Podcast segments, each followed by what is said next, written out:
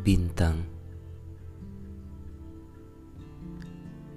Cahayanya adalah masa lalu. Sebegitu jauhnya, mungkin ia sebenarnya sudah tiada ketika kau berkedip lalu menatapnya lagi. Lalu menyadari betapa mereka tidaklah berseri,